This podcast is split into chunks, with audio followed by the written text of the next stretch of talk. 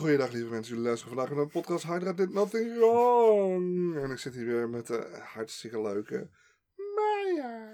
Hey, bedankt voor dat intro. En wat een mooie, lange toon heb je daar aangehouden. Daar heb ik zeer veel respect voor. Ehm, wat blij zijn wij dat u allen weer meeluistert naar onze magnifieke podcast. Ja, En ehm, wederom gaan we weer een eh, volksverhaal doen, een sprookje. ja, Dit keer nou ja, uit het oosten van Oostenrijk. ja, Oostenrijk. Zeker, het, het sprookje heet De Oude Hildebrand. Ja, Ehm, het is geen Grimm-sprookje dit keer, van de gebroeders. Ehm, maar dus wel uit Oostenrijk. Eh, leeftijd 12 jaar, dus eh, schop je kinderen naar boven. eh, als ze, ja, dus jonger zijn dan 12.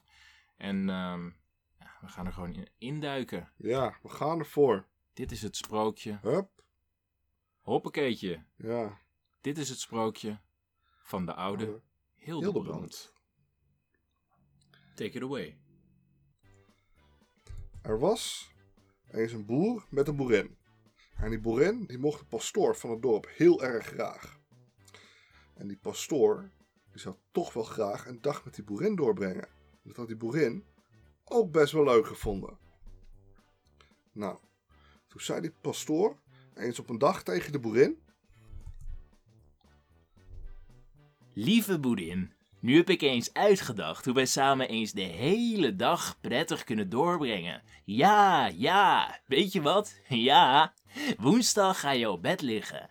En je zegt tegen je man dat je ziek bent. Ja, en je klaagt en je jammert maar flink. Ja, en dat blijf je volhouden tot zondag. Als ik preek. En dat, dat zal ik, dat preken. Ik zal preken dat ieder die thuis een ziek kind heeft, of een zieke man, een zieke vrouw, een zieke vader, een zieke moeder, een zieke zuster, broer, of wie dan ook van heel nabij. En wie dan bedevaart maakt naar Gokkelenberg in Walenland, waar je voor een stuiver een zak vol laurierbladeren krijgt, dan is een ziek kind, een zieke man, een zieke vrouw, zijn zieke vader, zijn zieke moeder, zijn zieke zuster, broer of wie dan ook. Van heel nabij ziek is, op staande voet, genezen. Ja, Dat zullen we doen, heeft de boerin gezegd. Nu, de eerstvolgende woensdag daarop, is de boerin in bed gaan liggen. En ze heeft geklaagd en gejammerd van heb ik jou daar. En haar man kwam met alles aandragen wat hij maar kon bedenken. Maar het hielp helemaal niets. Toen het zondag was, zei de boerin... Ik voel me zo ellendig of ik dood zou gaan. Maar er is één ding zou ik voor mijn eind nog willen. Ik zou dolgraag de preek horen die de pastoor vandaag gaat houden, hé, hey, ach kind, zei de boer. doe dat gewoon nog niet. Je zou, eh, je zou nog zieker worden als je nu uit bed zou opstaan. Luister eens. Deze, deze keer zal ik naar de mis gaan en gewoon goed luisteren naar die, eh, die eh, pastoor. Naar zijn preek en zo. En ik zal je dan precies vertellen wat, wat die pastoor, wat die meneer de pastoor, wat meneer de pastoor heeft verteld. En, ja, wat meneer de pastoor, die, die gezegd heeft en zo. Nou, zei de boerin toen. Doe dat dan maar en luister goed. En vertel me alles wat je gehoord hebt. Nou, toen is de boer naar de mis gegaan. En toen is meneer de pastoor begonnen met zijn preek. En hij zei dat als iemand een ziek kind, of een zieke man, een zieke vrouw, een zieke vader, een zieke moeder, een zieke zuster of broer of wie dan ook van de familie in het huis had, als die persoon een bedevaart zou maken naar Gokkelenberg in het Walenland, waar een zak vol laurierbladeren maar een stuiver kost, voor die zal dan het zieke kind, de zieke man, de zieke vrouw, de zieke vader, de zieke moeder, de zieke broer of zuster, die op staande voet weer gezond zou worden. En wie de reis zou willen maken, kon na de nis bij hem komen. Dan zou hem een zak geven voor de laurierbladeren en een stuiver toe. Niemand was blijer dan de boer. Kon zijn geluk niet op? Nee, Nee. hey. Gelijk na de mis liep hij meteen naar de pastoor toe. En die pastoor die gaf hem een zak en een stuiver. En daarop is de boer naar huis gelopen en schreeuwde bij de deur al gelijk naar binnen. Vrouw, lieve vrouw, hoera! Ik roep hoera omdat ik blij ben. Uh, je haast weer. Ja, vrouw. Eh, meneer de pastoor heeft vandaag zijn preek gehouden. Dat er weer een ziek kind in huis had of een zieke man. Een zieke vrouw. En gewoon al die andere mensen. of een zieke zuster. Eh, met, met zo'n bedevaart, weet je nog naar een Gokkelenberg in Waterland. Met je zak laurierbladeren of zo, de stuiver had hij het over. En zo'n ziek kind, met een zieke man en een zieke vrouw, vader, een zieke moeder. Met zijn zuster, zijn broer. Of wie dan ook in de nabije familie ziek is. Wordt op staat en wordt weer gezond. En ik heb een zak gehaald vol laurierbladeren.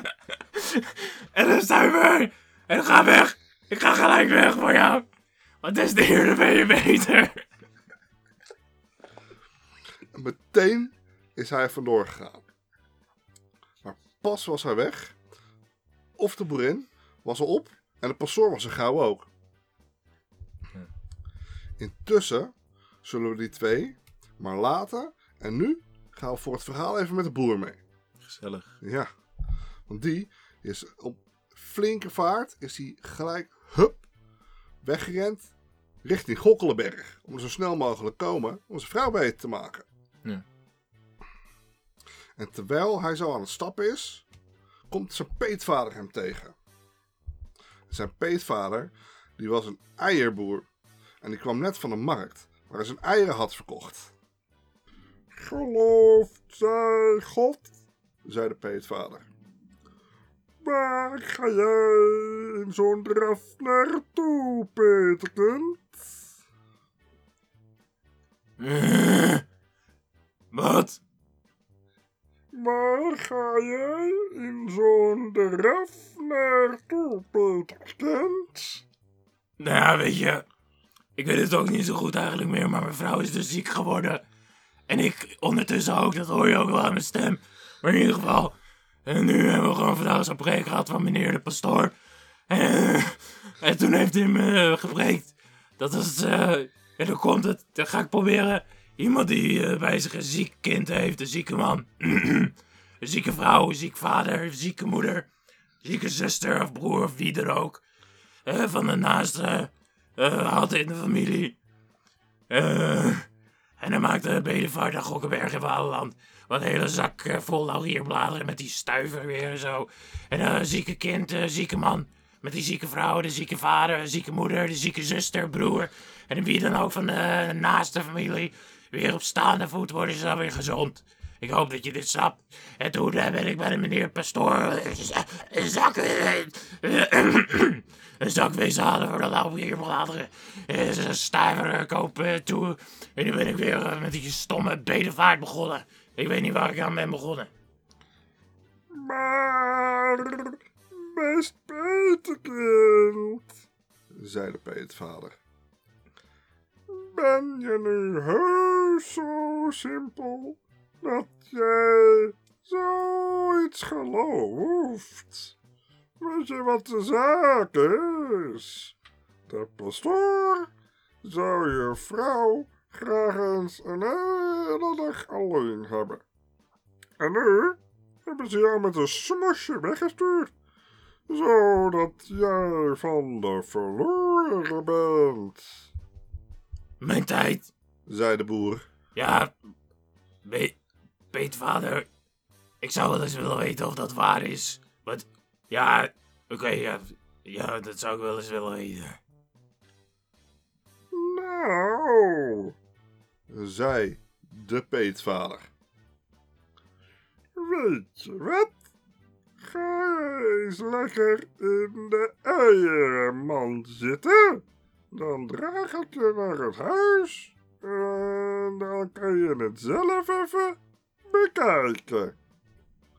Nou, dat was afgesproken. De boer ging in de eiermand zitten en de peetvader die droeg hem naar zijn huis. En toen ze daar waren aangekomen, oh, wat was het daar ineens hartstikke gezellig. De boerin, die had zowat alles wat er in huis te halen was, tevoorschijn te haald. Ze was aan het bakken voor meneer de pastoor. En de pastoor, die had een viool meegebracht. Nou, op dit moment was ik al die eier, eh het eierding uitgesprongen hoor. Van, eh, ze was net nog ziek. Dat denk Toch? ik ook, ja. Maar eh, toen was de peetvader juist op de deur gaan kloppen. En de boerin, die vroeg die wie er was. Dat ben ik, Petertje, had de peetvader gezegd. Wil je me vannacht bergen? Ik heb mijn eieren op de markt niet kunnen verkopen. Nu moet ik ze allemaal weer naar huis meenemen. En ze zijn zo zwaar. Ik kom niet meer zo ver en het wordt al donker. Ja, nou, eh, hoor eens, uh, Peetvader, zei de boerin. U komt nu eigenlijk eh, erg ongelegen. Maar ja, ik kan niet anders. Kom er maar in. Ga maar zitten op de bank achter de kachel, hoor. Nou, dat ze de peetvader met zijn draagmand op de kachelbank laten zetten. Maar de pastoor en de boerin die hadden nog steeds een hoop plezier. Eindelijk begon de pastoor te zeggen. Ja, luister eens, boerin. Lieve boerin. Je kon immers altijd zo mooi zingen, dus zing eens wat voor mij. Oh, zei de boerin. Nu kan ik niet meer zingen.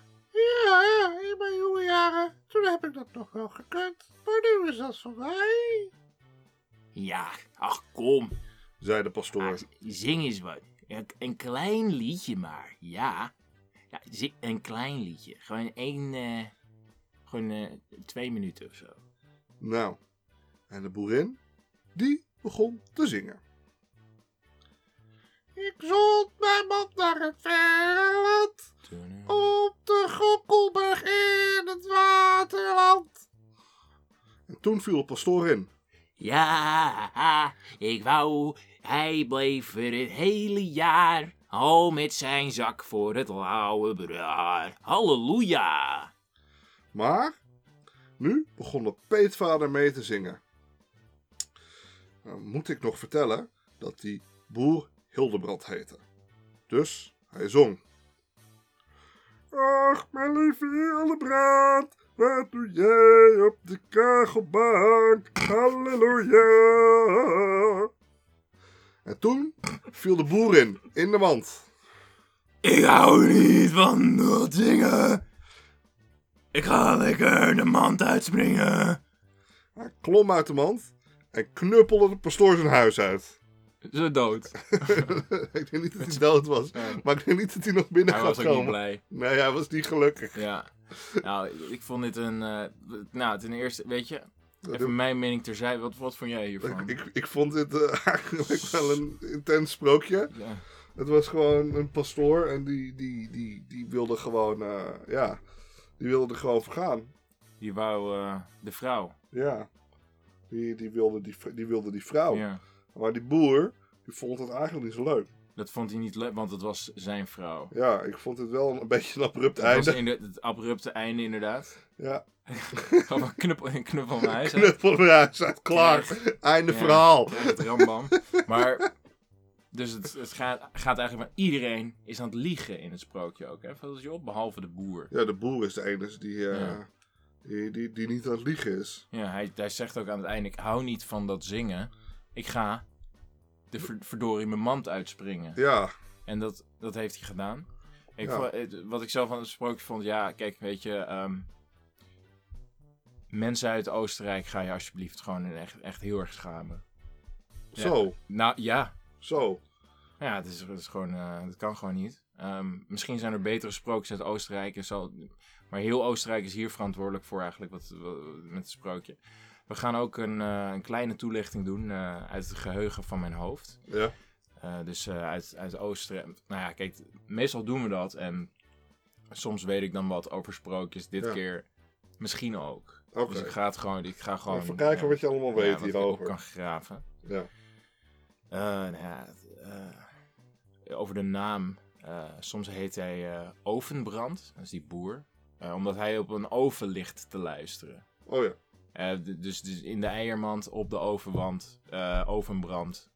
Snap je is- is Hildebrand, heel duidelijk. hoofdbrand. Ja. Duidelijk verhaal verder. Ja. Uit dit eh, verhaal kennen wij uit onze letterkunde door de 15e eeuwse klucht van playerwater. Eigenlijk playerwater. Ja. maar ze, of, of, ja, weet ik, ja, ik weet eigenlijk niet zo, ik zeg maar wat.